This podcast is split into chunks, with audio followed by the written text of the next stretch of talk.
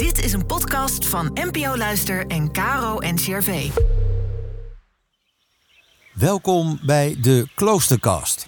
De podcast met antwoorden op alledaagse levensvragen vanuit de kloostertradities. Inspiratie voor je dag.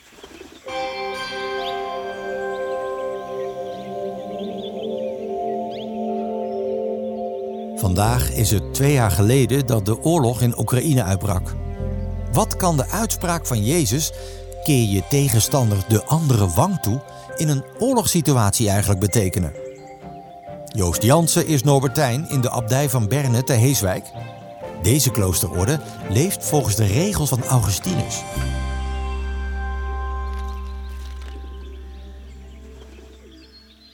De oorlog in Oekraïne duurt nu twee jaar.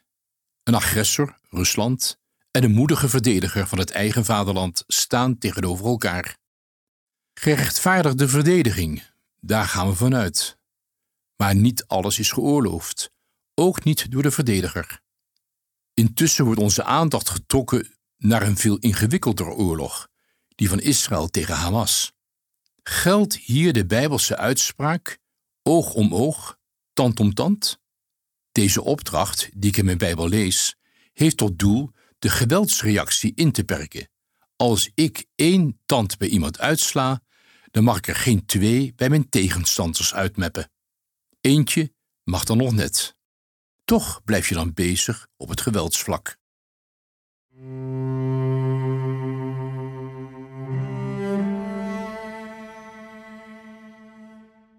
Wanneer ik verder lees in mijn Bijbel, dan voegt Jezus er een suggestie aan toe.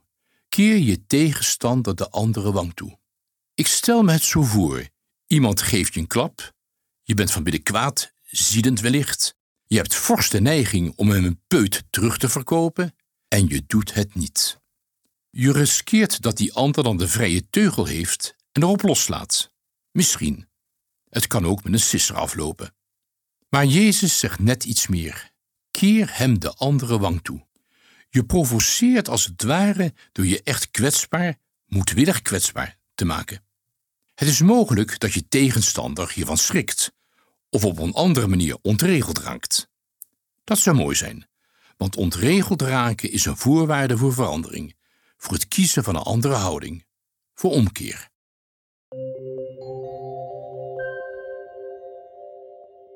Maar is het te doen?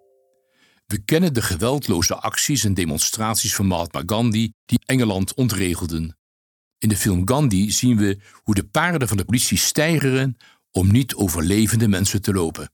Zijn de protesten van Extinction Rebellion vergelijkbaar?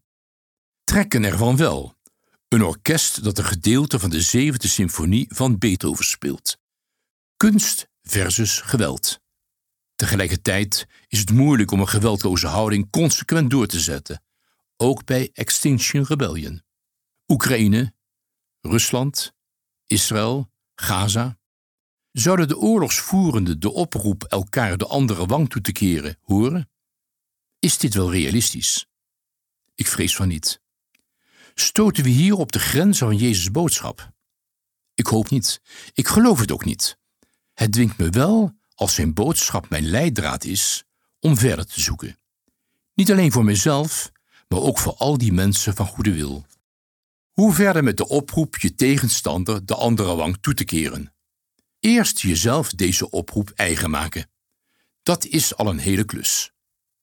Vervolgens, wanneer geweld ter sprake wordt gebracht, deze wijsheid van Jezus inbrengen, met het risico dat je voor soft en niet realistisch wordt versleten. Dat moet dan maar. Ten derde, groeperingen, organisaties die deze wijsheid huldigen, ondersteunen en hun stem ruimte geven.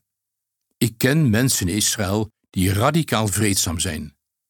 Ik bewonder een beweging als Sant'Egidio die met veel evangelische diplomatie strijdende partijen, bijvoorbeeld in Afrika, tot verzoening heeft weten te brengen. Een druppel op een gloeiende plaat?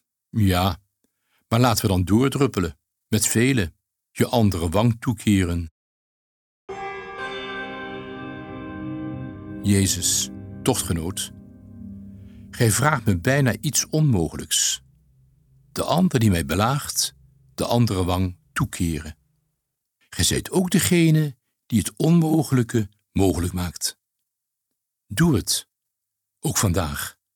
Amen. In een nieuwe aflevering van de Kloostercast kluizenaar Hugo Beuker over het leven zonder oordeel. Cancelen mag alleen God, vindt hij.